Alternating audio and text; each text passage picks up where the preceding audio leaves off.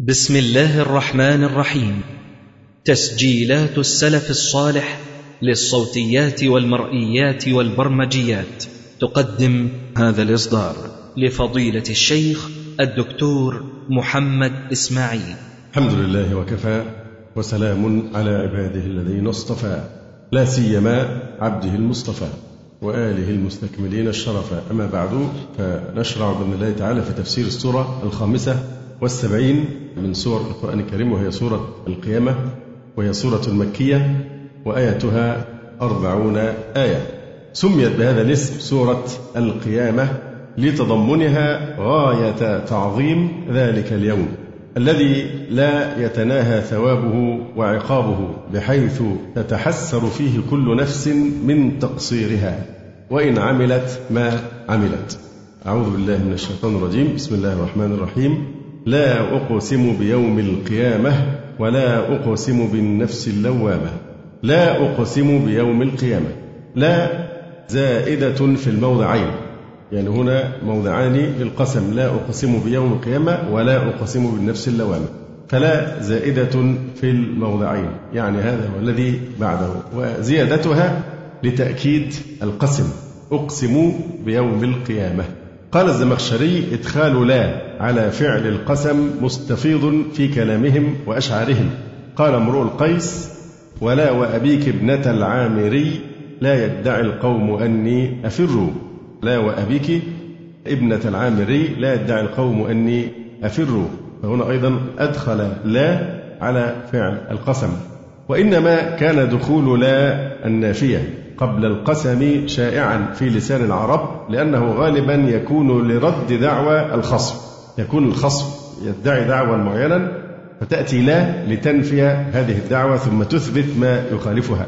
فغالبا ما يكون هذا لرد دعوى الخصم ونفيها. فالتقدير ولا يحصل ذلك وحق أبيك. وقال غوثة بن سلمى ألا نادت أمامة باحتمالي لتحزنني فلا بك ما أبالي. وقال الزمخشري وفائدتها أي دخول لا توكيد القسم. قالوا إنها صلة يعني إنها زائدة كما في قوله تعالى لئلا يعلم أهل الكتاب. واعترضوا عليه بأنها إنما تزاد في وسط الكلام لا في أوله وأجابوا بأن القرآن في حكم سورة واحدة متصل بعضه ببعض. والاعتراض صحيح لأنها لم تقع مزيدة إلا في وسط الكلام ولكن الجواب غير سديد. يقول ألا ترى إلى امرئ القيس كيف زادها في مستهل قصيدته ولا وأبيك ابنة العامري والوجه أن يقال هي للنفي. الوجه المقبول في لا أن يقال هي للنفي. لا أقسم والمعنى أنه لا يقسم بالشيء إلا إعظاما له فيذهب الزمخشري إلى أن لا في مثل قوله لا أقسم بيوم القيامة هي للنفي. يعني أنه لا يقسم بالشيء إلا إعظاما له. يدلك على ذلك قوله تعالى فلا أقسم بمواقع النجوم وإنه لقسم لو تعلمون عظيم. فكأنه بإدخال حرف النفي يقول إن إعظامي له بإقسامي به كلا إعظام. يعني أنه يستأهل فوق ذلك. إعظامي له يستأهل فوق أن أقسم به. فلذلك لا أقسم لأنه يستحق ما هو فوق القسم من الإعظام. يقول الزمخشري والمعنى أنه لا يقسم بالشيء إلا إعظاما له. يدلك على ذلك قوله تعالى فلا أقسم بمواقع النجوم. وإنه لقسم لو تعلمون عظيم فكأنه بإدخال حرف النفي يقول إن إعظامي له بإقسامي به كلا إعظام يعني أنه يستأهل فوق ذلك. وقيل إن لا نفي لكلام ورد له قبل القسم. يعني يكون قبل القسم هناك كلام فتأتي لا لتنفيه. كأنهم أنكروا البعث. فقيل لا ليس الأمر على ما ذكرتم ثم قيل أقسم بيوم القيامة. فلا تنفي دعوى ادعوها أو كلاما قالوه فهي لنفي الكلام يكون ورد قبل القسم. كأنهم أنكروا البعث والنشور والقيامة. فقيل لهم لا أقسم بيوم القيامة. يعني لا ليس الأمر على ما ذكرتم من أنه لا قيامة ولا بعث. ثم قيل أقسم بيوم القيامة.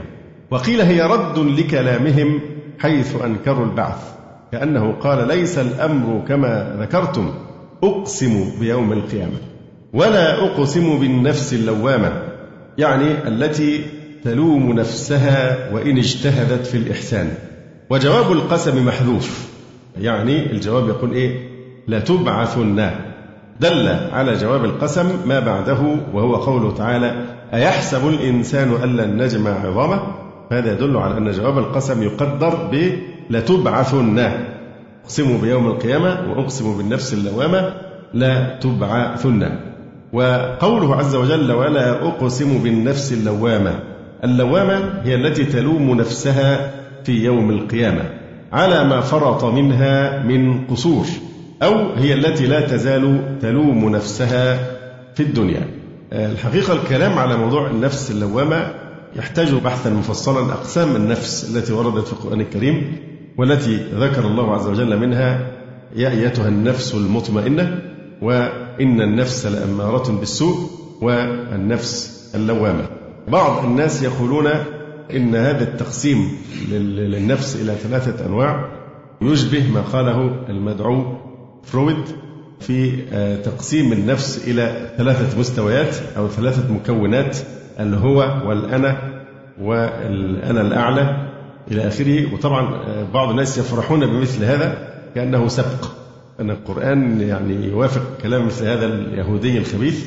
لكن في الحقيقة هي هناك فرق شاسع بين الوصف في القرآن الكريم وبين وصف هذا الرجل الذي بنى كلامه على مجرد سواء في هذه القضية أو في غيرها مما هو أخطر بناها على افتراضات لا يؤيدها دليل ولذلك يسمونها نظريات الأريكة النظريات الأريكية النظريات الأريكية التي يضعها صاحبها وهو متكئ على أريكته وهو متكئ إيه؟ على أريكة شبعان ومتكئ على أريكة لا هو في معمل ولا بيعمل بحوث ولا بيقيس قياسات ولا بيعمل تحاليل. لا دي مجرد واحد قاعد على الأريكة وبيتخيل أو بيفترض افتراضات بيسموها armchair theories يعني الكرسي اللي هو أبو إيدين. متكئ مستريح قوي عليه وبيفترض بقى أي حاجة.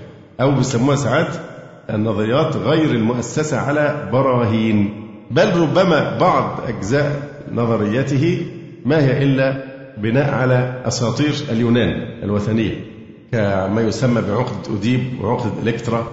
كل دي كلام أساطير من عند أيام اليونان وهذه الأشياء. فيعني الموضوع يحتمل الحقيقة تفصيلا أكثر وإلا سنخرج عن الموضوع لو استطردنا وهو الفرق بين تكوين الشخصية في الإسلام وبين تكوينها في مثل هذه النظريات. النفس اللوامة لا يشترط أن تكون نفسا واحدة. يعني الإنسان يكون إما لوامة وإما مطمئنة وإما أمارة بالسوء. لا الإنسان تتوارد عليه الأحوال المختلفة. فالنفس اللوامة في بعض الأقوال هي التي تلوم صاحبها سواء كانت محسنة أو مسيئة. لأنها يوم القيامة حتى لو كانت محسنة ستلوم نفسها أن لم تستكثر من الخير. موضوع أيضا نفس اللوامة ومسألة الشعور بالذنب وكيف أن الشعور بالذنب وتوبيخ الذات يعني هذا من رحمة الله سبحانه وتعالى بخلقه آه، لأن وجود الألم بعد ركوب المعصية دليل على الحياة. كما يقول الشاعر ما لجرح بميت إيلام. لكن آه، وجود التألم والندم بلا شك أنه أمارة من أمارات التوبة ولذلك صح عن النبي صلى الله عليه وسلم قوله الندم توبة. طبعا بجانب أركان التوبة الأخرى المعروفة. لكن هذا من رحمة الله عز وجل. وبعض الناس حينما ترى شخصا يعاني من الحزن أو الألم أو توبيخ الذات من أجل ارتكابه بعض المعاصي يحاولون إراحته بأن يقولوا له اصطلح مع نفسك ويعني يعمل ما يمكن أن نسميه تطبيع مع المعاصي. المعاصي دي شيء طبيعي ومفيش مشكلة وبلاش عقد إلى آخر هذا الكلام. في هذه الحالة مع التمادي في المعاصي سوف يموت قلبه. فإذا وجود الألم علامة على الحياة. لكن هناك فرق بين الندم أو الشعور بالذنب السوي وبين الشعور المرضي. دايما إحنا بنوزن بنحكم على الشيء من عاقبته وما يقول إليه. الخوف من الله سبحانه وتعالى أو الخوف من الموت. الخوف نحكم عليه هل هو خوف صحي أم خوف مرضي من ثمرته. الخوف الذي يحفزك على الاستعداد للآخرة والاجتهاد في الأعمال الصالحة هذا خوف إيه؟ صحي لأنه نتيجته الاجتهاد في العمل الصالح. أما الخوف الذي يصيب الإنسان بالهلع بحيث أنه يتوقف تماما عن الإنتاج. ما يقدرش يصلي ولا يصوم وعالم من الذهول تذهب عقله أو تقنته وتؤيسه من رحمة الله. هذا مرضي. نفس الشيء بالنسبة للشعور بالذنب أو لوم النفس أو توبيخها. هو شعور صحي ما دام يؤزك ويحثك على الاجتهاد في الطاعة والاستزادة من الأعمال الصالحة وده صحي. أما الشعور بالذنب الذي يجعلك ساكنا راكدا مستسلما تقضي كل وقتك في أن تندب حظك وتبكي على ما فات وإلى آخره فمثل هذا الخوف مرضي ولذلك لا يوجد إلا في المرضى مرضى الاكتئاب. يتشل تماما عن العمل فده مرض لا يخرج للصلاة ويمكن ما يترك الصلاة أصلا إلى آخره. ففي هذه الحالات هذا حزن هدام. مطلوب الحزن أو الشعور بالذنب الذي يترتب عليه البناء ويعني الإنتاج. لن نفصل في هذا لكن هذه بعض الفوائد من قوله تبارك وتعالى ولا أقسم بالنفس اللوامة. قلنا إن جواب القسم محذوف. تقديره لتبعثن يدل على هذا التقدير ما بعده وهو قوله تعالى أيحسب الإنسان أن لن نجمع عظامه. طبعا هنا نوع من البلاغة في قوله تعالى لا أقسم بيوم القيامة. ولا أقسم بالنفس النوامة هو ما يسمى بفن صحة الأقسام أو يسمى التناسب بين المعاني لأن هذه الآية فيها من محاسن التقاسيم أو التقسيم ما فيها لتناسب الأمرين المقسم بهما فهو سبحانه وتعالى أقسم أولا بيوم البعث لا أقسم بيوم القيامة ثم أقسم بالنفوس المجزية فيه النفوس التي سوف تحاسب يوم القيامة على حقيقة البعث والجزاء فأقسم بيوم البعث على أن الناس سوف تبعث ثم أقسم بالنفوس التي سوف تحاسب وتجازى يوم البعث والنشور فيعني هذا من بديع الكلام فسبحان المتكلم بهذا الكلام الفصيح البليغ. أيحسب الإنسان أي الكافر والهمزة هنا للاستفهام الإنكاري التوبيخي؟ أيحسب الإنسان أي الكافر؟ أن لن نجمع عظامه يعني للبعث والإحياء أن لن نجمع أن مخففة من الثقيلة فلا بد أن يكون اسمها ضمير الشأن يعني أنه لن نجمع عظامه للبعث والإحياء وإنما خص العظام لأنها قالب الخلق يعني لو في بناء الأعمدة أو الحديد هو اللي بيحمل البناء فكذلك الهيكل العظمي هو الأساس بالنسبة لجسم الإنسان زي ما الخرسانة الأساس بالنسبة للبناء. فالهيكل العظمي ده يعني إيه؟ هو ما يبنى عليه. فلذلك بدأ بقول أن لن نجمع عظامه لأن العظام هي قالب الخلق. بلى هذا حرف جواب. بلى يعني بلى نجمعها. قادرين على أن نسوي بنانا. يعني قادرين مع جمع عظامه بعد أن صارت ترابا بلى قادرين مع جمعها على أمر آخر وهو على أن نسوي بنانه. ما يعرب قادرين؟ هل من إيه آه يعني بلى نجمعها قادرين فهو حال من فاعل الفعل المقدر المدلول عليه بحرف الجواب.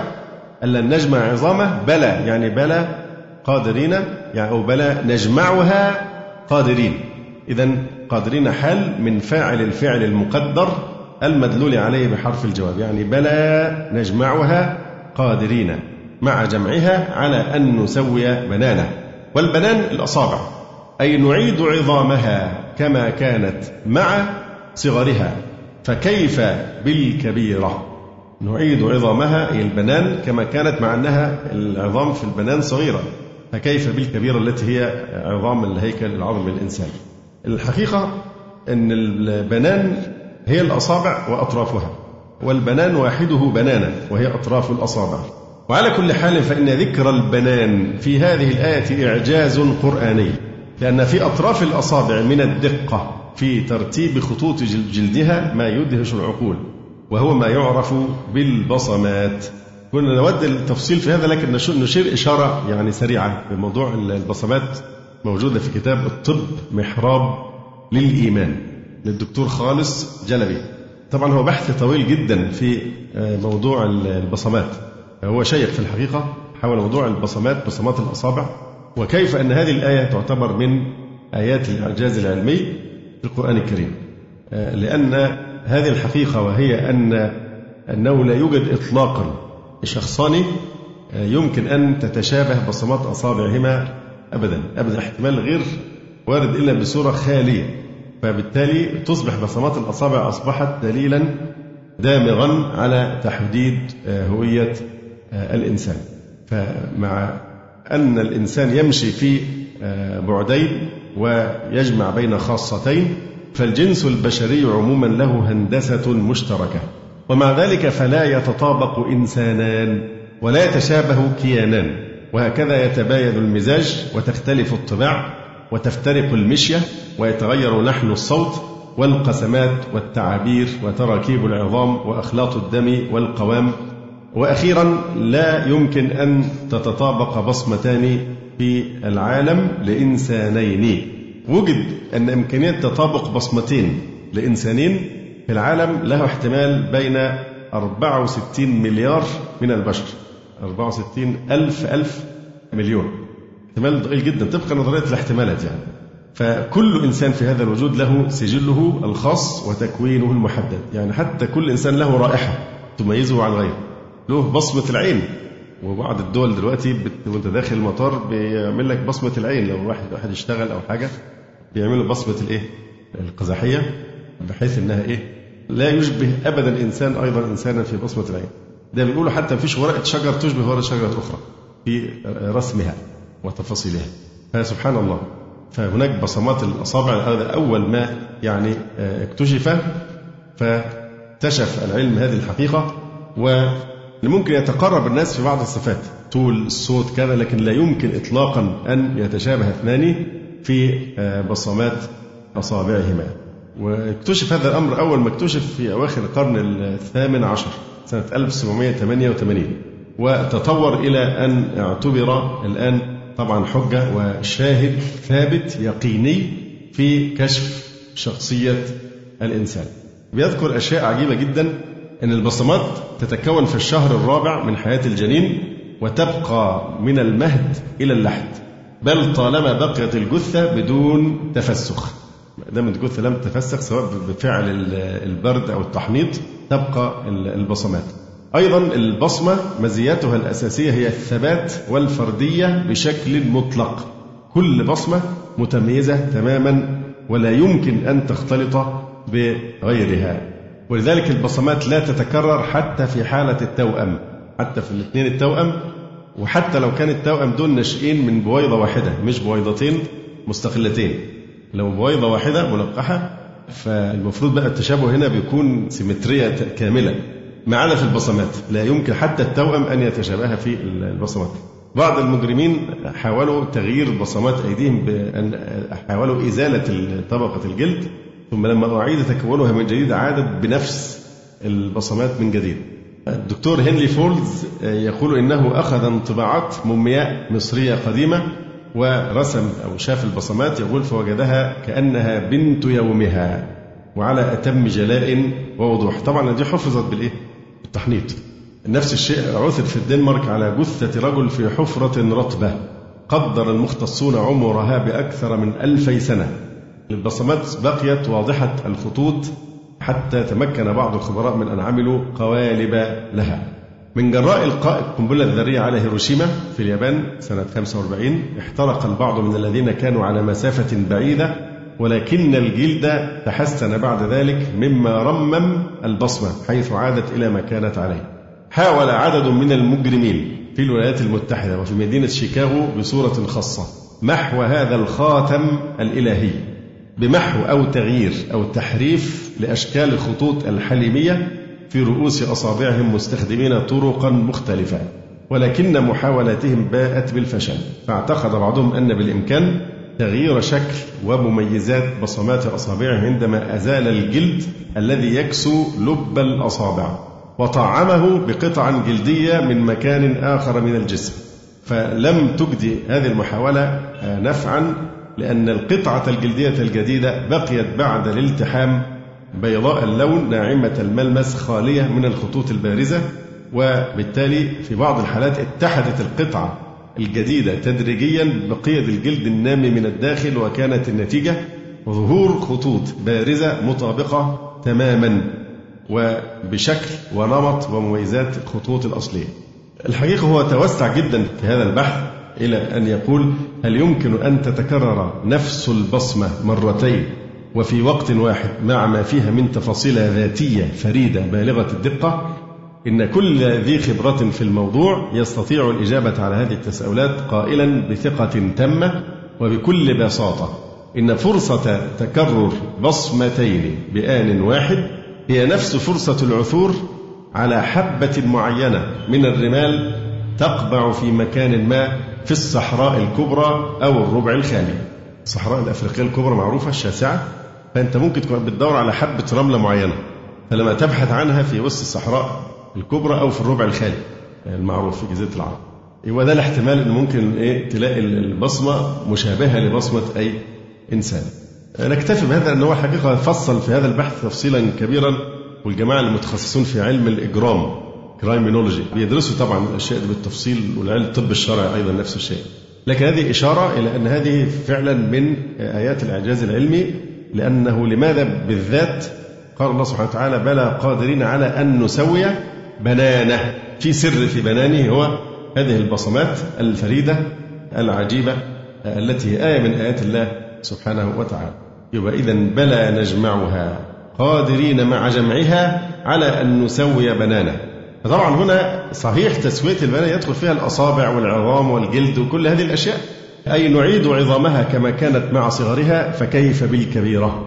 بل يريد الإنسان ليفجر أمامه. بل حرف عطف. للإضراب الانتقالي بل يريد الإنسان يريد فعل مضارع. معطوف على إيه؟ أيحسب. بل يريد. أيحسب الإنسان ألا نجمع عظامه ثم عطف عليه إيه؟ بل يريد الإنسان. فيجوز أن يكون بل يريد الإنسان ليفجر أمامه يبقى برضه استفهام زي إيه؟ أيحسب. أيحسب بل يريد يبقى استفهام. أو يكون إيجابا. بل يريد الإنسان. يمكن أن تكون بل لمجرد الإضراب الانتقالي من غير عطف كأنه أضرب عن الكلام الأول وأخذ وشرع في الكلام في كلام آخر. بل يريد الإنسان ليفجر أمامه. اللام هنا للتعليل والمعنى. يريد الإنسان لأن يستمر في فجوره ويدوم عليه فيما بين يديه من الأوقات. وفيما يستقبله من الزمان لا ينزع عنه ولا يتنصل منه. يعني يريد أن يستغرق كل الزمان بالمعاصي حتى فيما يستقبل من الأيام.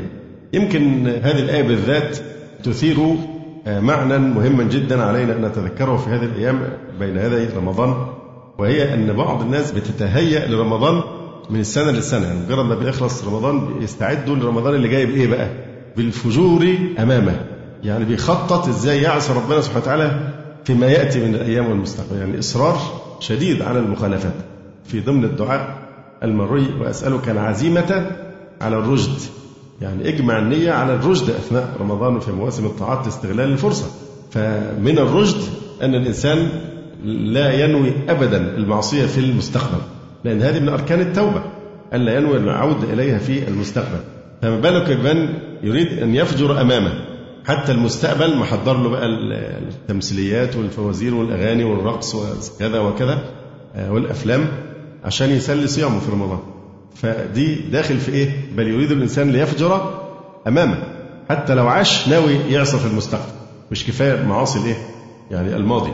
فقوله تعالى بل يريد الإنسان ليفجر أمامه. ليفجر هو هنا يقول إن اللام زائدة. وطبعا هذا كلام لا داعي أن نقول لزيادة اللام بل يريد الإنسان أن يفجر أو لأن يفجر فاللام للتعليل. فليفجر أمانة يريد أن يستمر في فجوره ويدوم عليه فيما بين يديه من الأوقات وفيما يستقبله من الزمان لا ينزع عنه ولا يتنصل منه. ليفجر أمامه. فيعرب أمامه؟ نعم. أمامه ظرف مكان استعير للزمان. أمامه هنا مقصود بها الزمان لكن هي أصل أمام ووراء دي إيه؟ ظرف إيه؟ مكان. يعني يوم القيامة. دل عليه قوله يسأل أيان يوم القيامة. ما يعرف يسأل؟ حال. يسأل أيان يعني متى؟ متى يوم القيامة؟ يسأل إيه؟ سؤال استهزاء وتكذيب. فهو يريد أن يستمر في فجوره في حال كونه سائلا على سبيل الاستهزاء أيان يوم القيامة. يعني إيه؟ يعني إيه فين هو يوم القيامة ده؟ هذا السبب في أنه يتمادى في المعاصي ويريد أن يفجر أمامه للأبد يريد أن يتمادى في المعصية وفي هذا التمادي يفجر أمامه بيذكر القيامة بالاستهزاء. يسأل أيان يوم القيامة؟ فين يوم القيامة؟ متى هذا اليوم؟ فهذا سؤال استهزاء وتكذيب. أيان اسم استفهام في محل نصب على الظرفية الزمانية. أيان يوم القيامة. فإذا برق البصر الفاء استئنافية فإذا برق البصر تقرأ برق وبرق بكسر الراء وفتحها قراءتان. إذا برق البصر يعني دهش وتحير لما رأى مما كان يكذبه.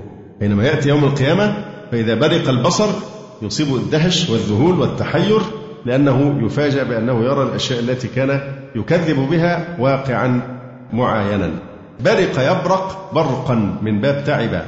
يعني تحير ودهش فلم يبصر من شدة الاندهاش. فإذا برق البصر وخسف القمر. طبعا وخسف دي عطف على إيه؟ برق أو برق البصر. خسف القمر أي أظلم وذهب ضوءه. وجمع الشمس والقمر. هذا عطف أيضا. داخل في حيز الشرط. فإذا برق البصر وخسف القمر وجمع الشمس والقمر هذا هذه الجمل كلها داخلة في حيز الشرط لأنها معطوفة على فإذا برق البصر. وجمع الشمس والقمر فطلعا من المغرب أو ذهب ضوءهما وذلك في يوم القيامة. خلاصة الكلام أن جمع الشمس والقمر هما من آيات الله الكبرى. يقول الإنسان يومئذ أين المفر؟ يقول الإنسان هذا جواب إذا. لأنه فإذا برق البصر وخسف القمر وجمع الشمس والقمر كل هذا شرط. يقول الإنسان يومئذ يبقى دي جملة الإيه؟ جواب الشرط وهي لا محل لها لأنها لأن إذا لا تجزم يعني. يقول الإنسان يومئذ أين المفر؟ أين ظرف مكان؟ أين المفر؟ كلا لا وزر. كلا حرف ردع وزجر عن طلب الفرار. كلا لا وزر لا ملجأ يتحصن به وكل ما التجأت إليه من جبل أو غيره وتحصنت به فهو وزرك حصنك وزرك.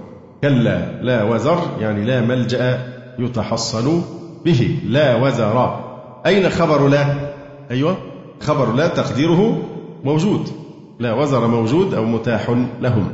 كلا لا وزر إلى ربك يومئذ المستقر يعني مستقر الخلائق فيحاسبون ويجازون. ما إعراب المستقر؟ مبتدأ مؤخر. ينبأ الإنسان يومئذ بما قدم وأخر هذه الجملة تفسيرية مستأنفة. ينبأ الإنسان يومئذ بما قدم وأخر ما إعراب ما؟ بما قدم وأخر نعم ما في موضع المفعول الثاني في محل نصب مفعول ثاني طب فين المفعول الأول؟ آه نائب الفاعل طبعا بيكون هو المفعول الأول. يعني ينبئ الله الإنسان بما قدم وأخر أي يخبر الإنسان. يومئذ كانت هذه الأمور الثلاثة وهي برق البصر وخسف القمر وجمع الشمس والقمر بما قدم من عمل عمله وبما أخر منه لم يعمله. يبقى بما قدم أخر ما عمله بالفعل وأخر يبقى إيه؟ بما لم يعمله. ينبأ الإنسان يومئذ بما قدم وأخر يقول بأول عمله وآخره أو بما أسلف من عمل أو أخر من سنة سيئة أو صالحة يعمل بها بعده. يعني ما قدم عمله في الدنيا وما أخر هي آثاره والسنن سواء حسنة أو سيئة ونكتب ما قدموا وآثارهم التي يعمل بها بعده. بل الإنسان على نفسه بصيرة بل حرف عطف وإضراب انتقالي. والإنسان مبتدأ وبصيرة خبر يبقى الإنسان بصيرة. طيب لماذا أنثت كلمة بصيرة؟ لأن معنى بصيرة يعني شاهد تنطق جوارحه بعمله. أما الهاء فهي للمبالغة وليست للتأنيث. بل الإنسان على نفسه بصيرة. يعني هو شاهد على نفسه تنطق جوارحه بعمله. فلا بد من جزائه. ولو ألقى معاذيره. الواو حالية من الفعل المستكن في بصيرة. ولو ألقى معاذيره جمع معذرة على غير قياس. أما قياسه فمعاذر أي لو جاء بكل معذرة ما قبلت منه. يبقى فين جواب الشرط بقى؟ ولو ألقى معاذرة ما قبلت منه هذه المعاذير. قال تعالى لنبيه صلى الله عليه وآله وسلم لا تحرك به لسانك لتعجل به. لا تحرك به. هذه الجملة ما إعرابها مقول القول لابد أن نقدر هنا لنشوف السياق. بل الإنسان عن نفسه بصيرة؟ ولو ألقى معذرة لا تحرك به لسانك لتعجل به. فلذلك انظر دقة الجلال المحلي. كتب قبلها إيه؟ قال تعالى لنبيه صلى الله عليه وسلم لا تحرك به لسانك لتعجل به. فالجملة مقول قول محذوف مستأنف. لا تحرك به. ضمير يعود إلى القرآن الكريم.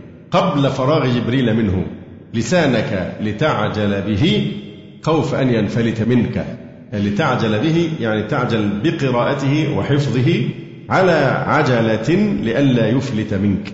ثم علل النهي عن العجلة بقوله إن علينا جمعه وقرآنه. جمعه في صدرك وقرآنه أي قراءتك إياه. أي جريانه على لسانك. ضمن الله حفظ القرآن وأنه لن يتفلت منه شيء. فإذا قرأناه يعني إذا قرأناه عليك بقراءة جبريل عليه السلام فاتبع قرآنه. يعني استمع قراءته.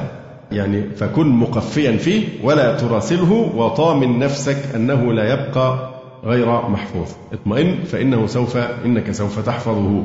فاتبع قرآنه أي استمع قراءته. فكان صلى الله عليه وسلم يستمع ثم يقرأ كما أقرأه جبريل عليه السلام كما روى ذلك الشيخان وغيرهما. ثم إن علينا بيانه. ثم حرف عطف للترتيب مع التراخي. ثم إن علينا بيانه بالتفهيم لك والمناسبة بين هذه الآيات وما قبلها. أن تلك تضمنت الإعراض عن آيات الله. ما مضى؟ تعرض لمن يعرضون عن آيات الله. وهذه تضمنت المبادرة إليها بحفظها ويعني العناية بها. لا تحرك به لسانك كلها في في حفظ القرآن الكريم والمبادرة إلى ذلك. ثم إن علينا بيانه. كلا بل تحبون العاجلة. كلا حرف ردع وزجر. كلا بل هذا إضراب انتقالي. تحبون العاجلة الخطاب لكفار قريش. أو قراءة أخرى كلا بل يحبون العاجلة أي الدنيا. بالياء على الغيبة والتاء في الفعلين فيكون التفاتا. يحبون ويذرون أو تحبون وتذرون. ويذرون الآخرة أو وتذرون الآخرة يعني فلا تعملون لها. وجوه يومئذ ناظرة. وجوه يومئذ أي يوم القيامة. هي طبعا يومئذ معمول لناظرة مش لإيه؟ الوجوه لأن ظرف الزمان لا يكون صفة للجثة. وجوه. لكن هي ناظرة يومئذ. ناظرة يعني حسنة مضيئة من النضرة وهي التنعم. نظر وجهه أي حسن وغض. وفي الحديث نضر الله امرأ سمع مقالتي فوعاها. وجوه يومئذ أي يوم القيامة ناظرة أي حسنة مضيئة. إلى ربها ناظرة يعني أنهم يرون الله سبحانه وتعالى في الآخرة. وهذه الآية تعتبر أصرح نص في القرآن الكريم على إثبات رؤية المؤمنين ربهم عز وجل في الجنة وإن كان الزمخشري كعادته في تعصبه لمذهبه الاعتزالي حاول أن يتخلص من دلالتها الصريحة على إثبات هذه العقيدة بتأويلات باردة إلى حد أن عقب ابن المنير كعادته على الزمخشري حينما يحاول أن يطوع الآيات لبدعته ابن المنير اللي هو عمل كتاب اسمه إيه؟ الانتصاف لما فيه كشاف من الإيه؟ مسائل الاعتزال يعني بيرد على المسائل التي انحرف فيها الزمخشري وحاول أن يلوي عنق الآيات لتوافق بدعته وهذه من هذه المواضع ابن منير ده منين؟ اسكندراني بلديكم يعني ابن منير السكندري معروف طب مذهبه إيه؟ هي أغلب أهل اسكندرية كانوا مالكيه لأن كان في تواصل مع كانت هي بوابة المغرب الإسلامي فكان دايما أي حد يجي للحج أو لطلب العلم أو كذا كان المكان الذي كان يستقبله الإسكندرية فبالتالي يقولون إن ثلث أهل الإسكندرية ترجع أصولهم إلى المغرب. ولذلك شاع المذهب المالكي جدا في إسكندرية. حتى في عهد الدولة الفاطمية رفض علماء الإسكندرية أن ينقادوا ل يعني شريعة الفاطميين وأصروا على الحكم بالمذهب المالكي. هذه شيء عابر بمناسبة ذكر ابن المنير الإسكندراني. يعقب ابن المنير على الزمخشري قائلا ما أقصر لسانه عند هذه الآية فكم له يدندن ويطيل في جحد الرؤية ويشقق القباء ويكثر ويتعمق. فلما فغرت هذه الآية فه صنع في مصامتها بالاستدلال على أنه لو كان المراد الرؤية لما انحصرت بتقديم المفعول إلى آخره. نفصل قليلا في الاستدلال بهذه الآية على هذه العقيدة المهمة العظيمة.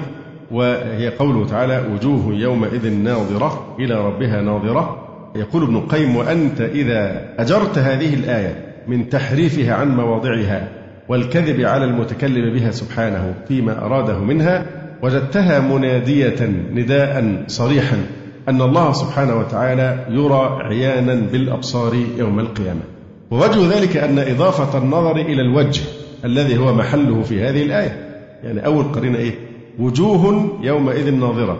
لما يكون النظر مضافا إلى الوجه. هل يحتمل تكون نظر بمعنى التفكر؟ لأن الوجه محل العين الباصرة. يبقى هو نظر حقيقي بالعين. يبقى أول دليل على هذه الدلالة إضافة النظر إلى الوجه الذي هو محله في هذه الآية. ثم تعديته بأداة إلى. نظر إلى. الصريحة في نظر العين.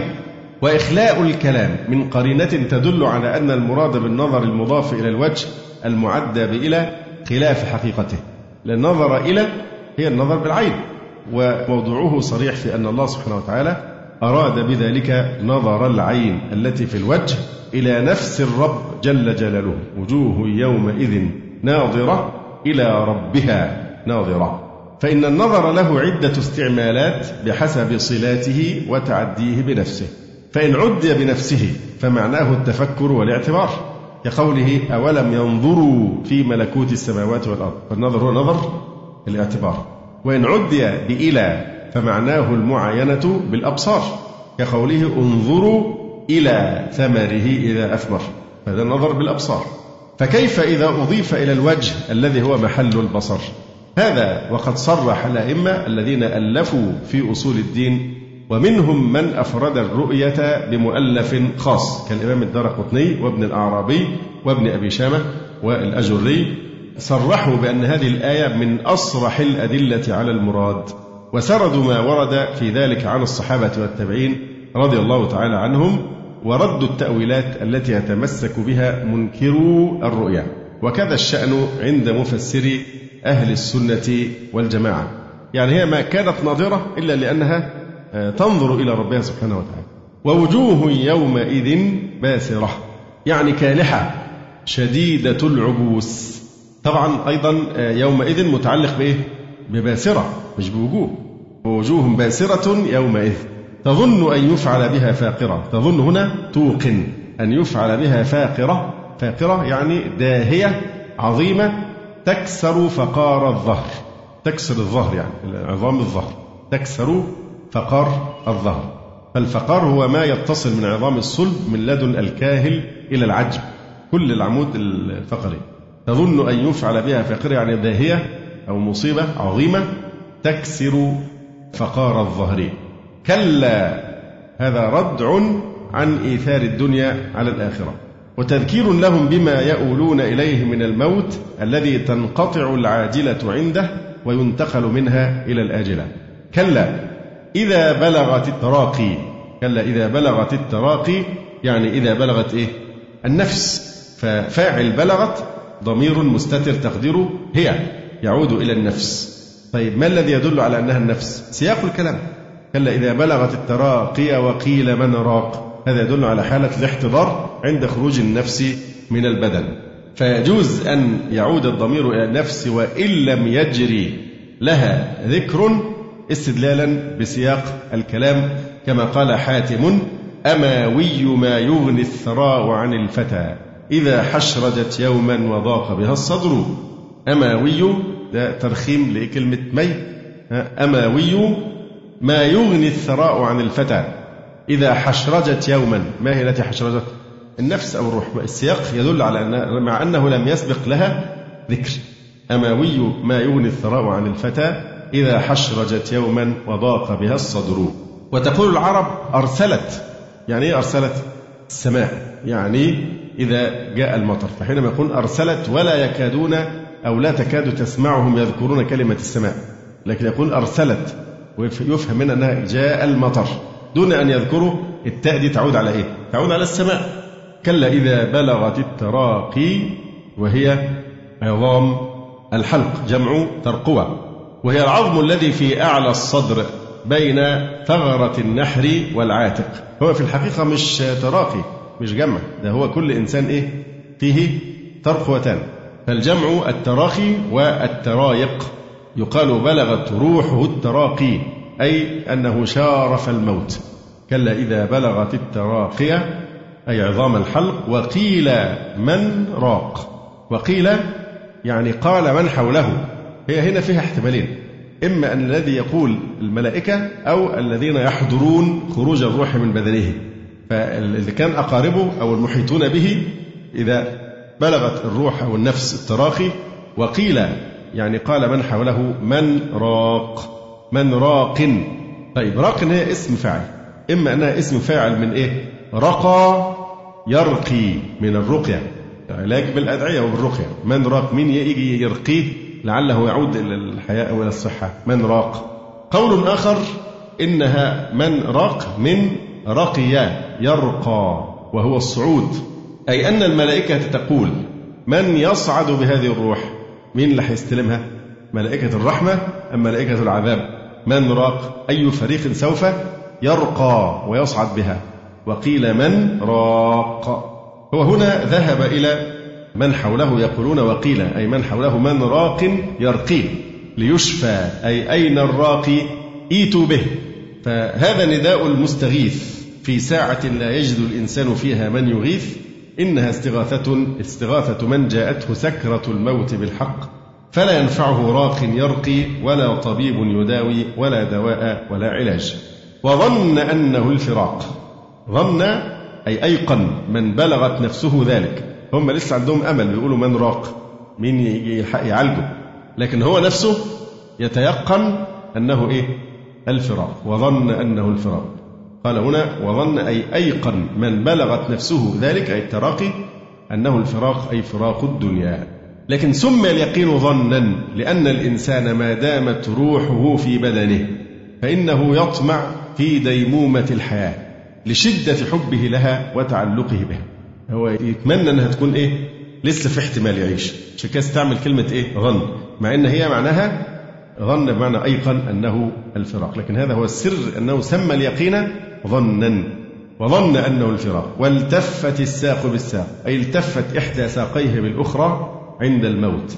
أو التفت شدة فراق الدنيا بشدة إقبال الآخرة. إلى ربك يومئذ المساق. يومئذ التنوين هنا عوض عن جمل أربعة اللي هي إيه؟ بلغت الروح التراقي وقيل من راق وظن أنه الفراق والتفت الساق بالساق. إلى ربك يومئذ يعني يوم تبلغ الروح التراقي ويقال من راقي ويظن أنه الفراق وتلتف الساق بالساق يومئذ. تنوين في إذ بيغنينا عن تكرار هذه الجمل الأربع. تعويض عن جملة. إلى ربك يومئذ المساق أي السوق. فالمساق اسم مصدر من السوق. يعني إذا بلغت النفس الحلقوم تساق إلى حكم ربها ومشيئته لا راد لذلك. إذا بلغت الروح الحلقوم إلى ربك يومئذ المساق. هو اتجاه لن لا عودة خلاص.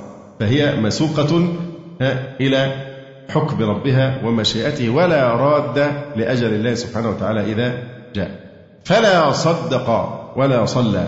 فلا صدق الإنسان ولا صلى أي لم يصدق ولم يصل ولكن كذب وتولى كذب بالقرآن وتولى عن الإيمان. بعض الفقهاء يستدلون بهذه الآية على وجوب صلاة الجماعة.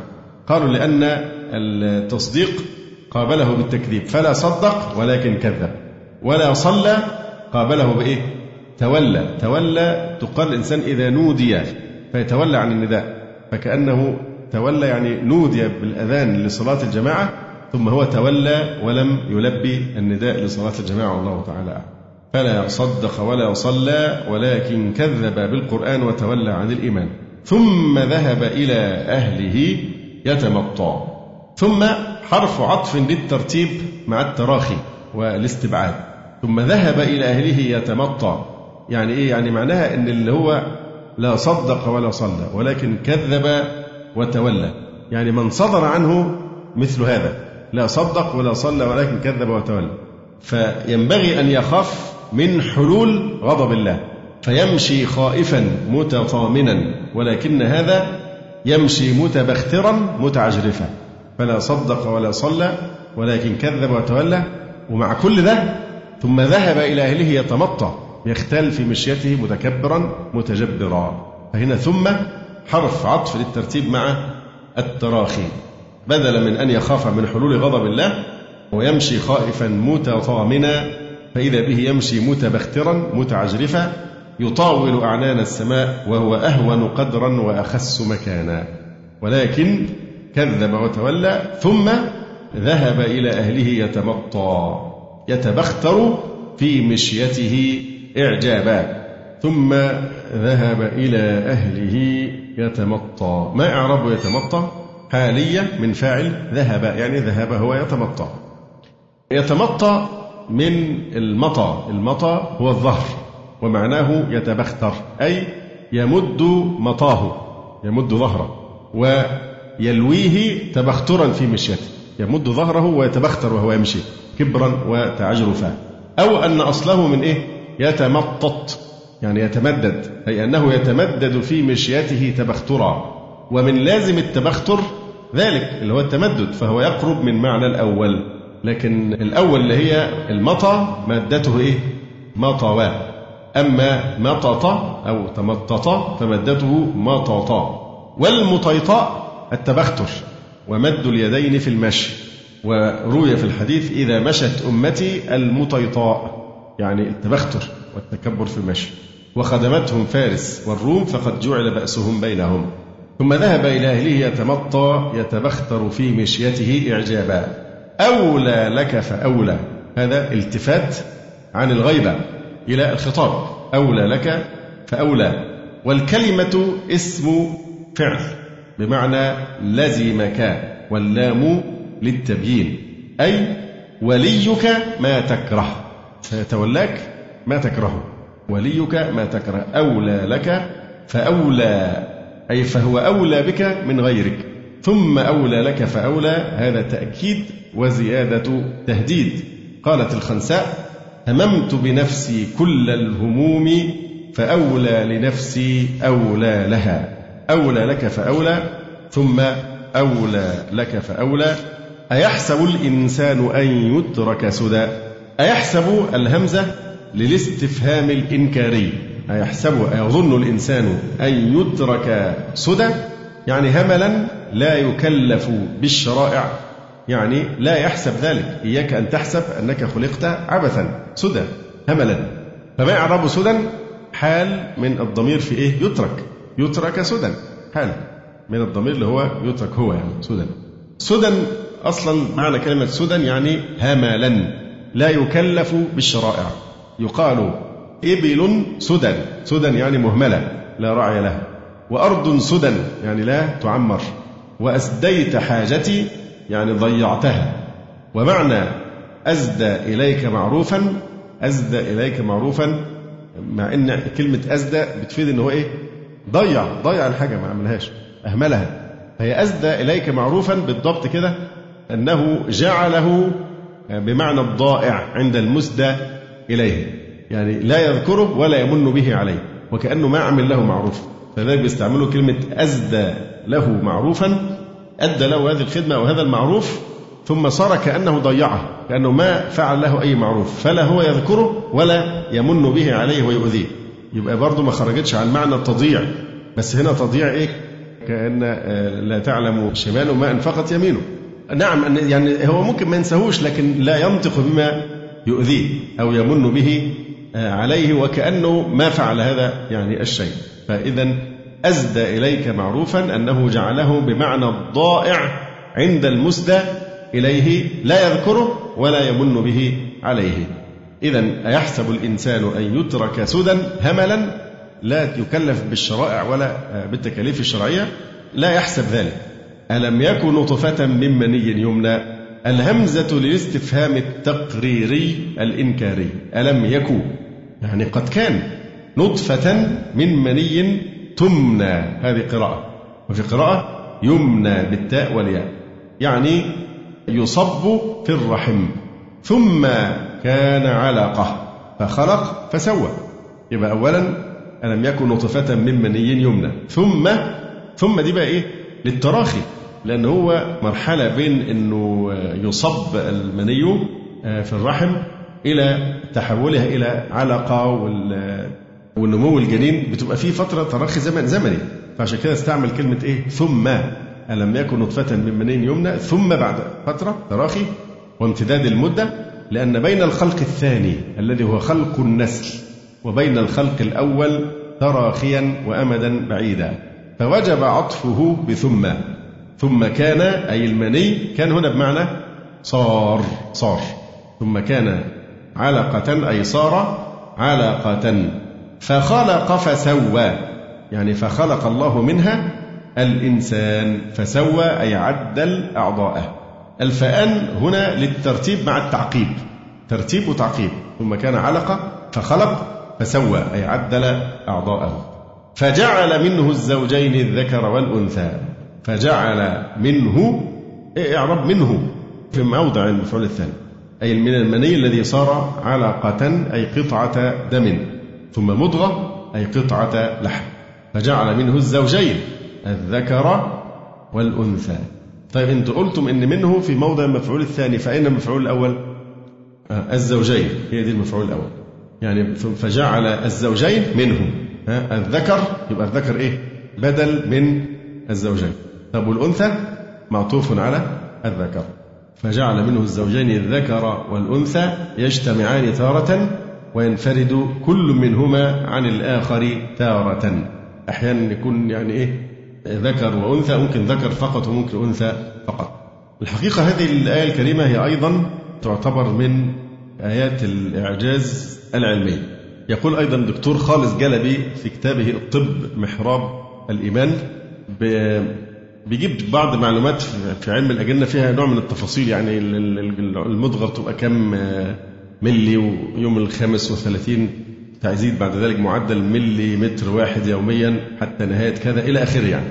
فيقول في نهاية الشهر الثالث يتم تكون الأعضاء التناسلية الخارجية وهنا نتساءل كيف يحدد الجنس ذكرا أم أنثى؟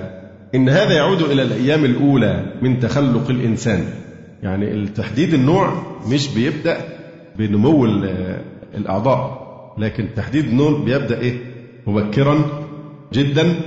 يقول آه، إن هذا يعود إلى الأيام الأولى من تخلق الإنسان وبالضبط في اللحظة التي التقى فيها الحيوان المنوي بالبويضة. فقد وجد أن الحيوانات المنوية تحوي من الصبغيات اللي هي الكروموزومات آه، على 23 صبغيا. ومعروف أن الحيوانات المية نوعان. من حيث الصفات فقسم بيحمل ال X وقسم بيحمل ال Y معروف التقسيمة بعد كده. فلذلك غالبا يعني القاعدة إن ما فيش حمل إلا وبيكون 50% ولد و50% أنثى. دعنا بقى من الحاجات الاستثنائية بتاعت ال Klinefelter وال Down's والحاجات دي كلها دي موضوع تاني. لكن كلام القاعدة الأساسية هي إن إيه؟ إن أي حمل بيكون 50% ولد أو 50% بنت. ليه؟ لأن بسبب وجود ال XY لما تتقسم تبقى X لوحدها Y لوحدها هنعمل بقى تباديل. تبقى الاحتمال 50% و50% طيب على هذا الأساس بقى من الذي يكون سببا في تحديد نوع الجنين؟ الرجل أم المرأة؟ الرجل المني لأن هو اللي فيه ال Y دي هي دي اللي بتعمل الفرق. بنهتم بالموضوع ده ليه؟ لأن بعض الناس الجهلة الأزواج الجهلة آه يقول لها لو جبتي بنت المرة الجاية دي تبقى طالق. وهو لا يفقه إنه هو السبب مش هي يعني اللي بيتسبب المسؤول يعني يعني هذا الموضوع أو الذي جعل الله سبب في تحديد النوع ولد أو بنت الرجل مش المرأة، المرأة مالهاش أي علاقة بالموضوع ده. للأسف الشديد قرأت فتوى في إحدى مجموعات الفتاوى لعلماء كبار أفاضل. السائل ما وضحش السؤال بيقول له هل يجوز أن يقول قائل إن الرجل هو المسؤول عن تحديد نوع الجنين؟ الشيخ الفاضل عمل يعني حملة شديدة جدا وقال هذا شرك ولا يعلم الغيب إلا الله وكيف يقال هذا وفضل يجيب الأدلة على مسألة ثانية خالص. مسألة مالهاش علاقة بالموضوع. هو السائل لم يحسن التعبير والشيخ ما تحراش. يسأل طب إيه المقصود؟ فهو ظن كأنه إن الرجل كده إيه يعني ليس الله فقط هو الذي يعلم ما في الأرحام. ده الرجل بيعلم ما في الأرحام وهو اللي بيحدد ذكر ام انثى لا طبعا. المقصود هنا أن أن الرجل أو مني الرجل بتعبير ادق هو الذي جعله الله سببا في تحديد الذكر أو الأنثى وهو لا علم له بذلك ولا ولا يحس بذلك. لأن هي دي المساله فهو الشيخ جاوب في مسألة ثانية خالص. محدش بيدعي إن الرجل يعني أي رجل بيعرف هو اللي بيحدد يقول أنا عايز المرة دي ولد أو عايز بنت. حد بيقول كده؟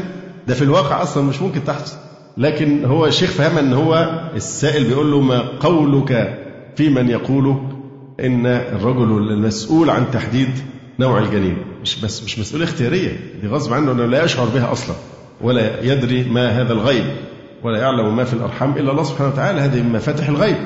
لكن المقصود إيه؟ يعني في ناس بتتعجل في إنكار بعض الأشياء والتعرض لها بدون ما تحسن فهم. يعني السؤال زي ما واحد يقول يسأل مثلا برضه تاني ويقول آه، يقولون أنه يمكن تحديد نوع الجنين يعني قبل أن يولد الجنين. فيروح يتسرع المجيب ويقول هذا جهل وهذا شرك وهذه من مفاتيح الغيب التي لا يعلمها إلا الله لأن الله تعالى قال ويعلم ما في الأرحام. طيب يعلم ما في الأرحام؟ ده كلام بدون آلة. الله سبحانه وتعالى يستأثر بعلم ما في الأرحام. مثلا في هذه المراحل المتقدمة جدا بمجرد التقاء البويضة بالحيوان المنوي هذا لا يمكن الاطلاع عليه. الناس العاديين يعني وبدون أجهزة. كذلك قبل أن تكتشف السونار والأجهزة الحديثة دي هو هو يعلم ما في الأرحام؟ بغير آلة. لكن لو وجد إنسان طبيب مثلا عنده أجهزة ويستطيع أن يرى بعينه عن طريق أجهزة مش هو بيبص من خارج كده ويقول ده ولد أو بنت. يبقى ده كأنه بيعلم الغيب. لكن إذا كان بآلة يبقى الآلة دي مش هتفرق بقى من يكون يجيب مشرط ويفتح الرحم ويشوف الجنين بعينيه.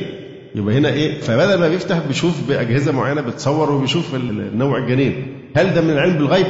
لأنه ليس بغيب. في هذه الحالة هذه شهادة. لما بتشوف العظم كده وهو مكسور في الأشعة مثلا أو في شرخ أو كذا أنت كده بتعلم الغيب ولا في آلة بتصور بيها تماما كأنك بتشوف مرآة أو ففي تستعمل آلة؟ مش معناها إن أنت بت إيه؟ بتعرف الغيب. فينبغي التريث في إنكار مثل هذه الأشياء وتوضيح ما المراد. فعلى أي الأحوال يقول هنا وصدق الله سبحانه وتعالى حينما قال أيحسب الإنسان أن يترك سدى؟ ألم يكن نطفة من مني يمنى ثم كان علقة فخلق فسوى فجعل منه إلهاء تعود إلى الإيه؟ المني. يبقى جعل منه الزوجين الذكر والأنثى. يبقى المني هو الذي يحدد الذكر من الأنثى. فهذا استدلال بالقرآن الكريم نفسه. ودي حقيقة علمية. طبعا اكتشفت حديثا جدا. لكن هذا مما يدل على هذه الحقيقة أن فعلا الرجل هو الذي يحدد. طبعا بدون شعوره ولا اختياره. يعني جعله الله سببا في تحديد جنس الجنين وهذه حقيقة علمية يعني اكتشفت حديثا جدا. يقول الله تعالى فجعل منه الزوجين النوعين الذكر والأنثى. أليس ذلك؟ أي أليس ذلك الفعال لهذه الأشياء؟ فالهمزة هنا للاستفهام الإنكاري التقريري. أليس ذلك الفعال لهذه الأشياء؟ بقادر على أن يحيي الموتى. سبحانك فبلى. طيب ما إعرابه بقادر منصوب محلا خبر ليس. بقادر على أن يحيي الموتى. من السنة هنا أن يقال إذا تلا الإنسان هذه الآية يقول بلى أو سبحانك فبلى. يعني بلى إن الله سبحانه وتعالى قادر على أن يحيي الموتى. روي أن النبي صلى الله عليه وسلم كان إذا قرأها قال سبحانك فبلى. وروي أيضا بلفظ من قرأ لا أقسم بيوم القيامة فانتهى إلى أليس ذلك بقادر على أن يحيي الموتى؟ فليقل بلى. وهذا رواه الإمام أحمد والترمذي أيضا. نكتفي بهذا القدر. أقول قولي هذا وأستغفر الله لي ولكم. سبحانك اللهم ربنا وبحمدك أشهد أن لا إله إلا أنت أستغفرك وأتوب إليك. جزى الله فضيلة الشيخ خير الجزاء. ونسأل الله جل وعلا أن يرفع مكانة الشيخ في المهديين. وأن يجعله علما من أعلام الهدى والدين. ولا تنسونا وتنسوا الشيخ من دعوة صادقة بظهر الغيب. وتقبلوا تحيات إخوانكم في تسجيلات السلف الصالح بالإسكندرية. هاتف رقم صفر ثلاثة فاصل أربعة تسعة أربعة سبعة ستة خمسة اثنان. وتليفون محمول صفر عشرة واحد ستة أربعة واحد تسعة ثمانية صفر. والسلام عليكم ورحمة الله وبركاته.